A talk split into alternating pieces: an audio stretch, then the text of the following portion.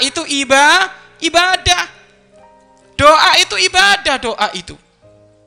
Tujuannya kita berdoa itu apa sih? Tujuan kita berdoa itu apa? Satu, memenuhi perintah Allah, dapat pahala, bukan hanya dalam urusan pengkabulan do, doa. Kalau ente berdoa hanya minta dikabul doamu, maka di saat kamu nggak butuh, nggak bakal berdoa kepada Allah. Kurang ajar itu. Berdoalah kepada Allah engkau diperintah untuk berdoa. Itu sebagai ibadah. ibadah.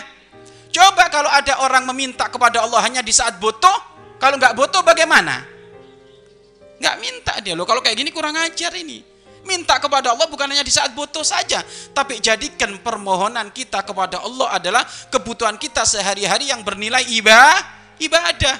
Bahkan asal asal tahu saja, baginda Nabi Muhammad Wasallam juga bersabda, intidarul faroji bisabri al ibadah. Menunggu pengkabulan doa dengan bersabar itu ibadah. Menunggu pengkabulan doa dengan sabar itu ibadah. Contoh, doa sore ini setelah sholat asar. Nunggu dalam 24 jam ini nggak dikabul-kabul. Lo selama kamu nunggu 24 jam ini dikasih pahala oleh Allah. Dua hari kasih pahala dua hari, satu bulan kasih pahala dua bulan. Kenapa?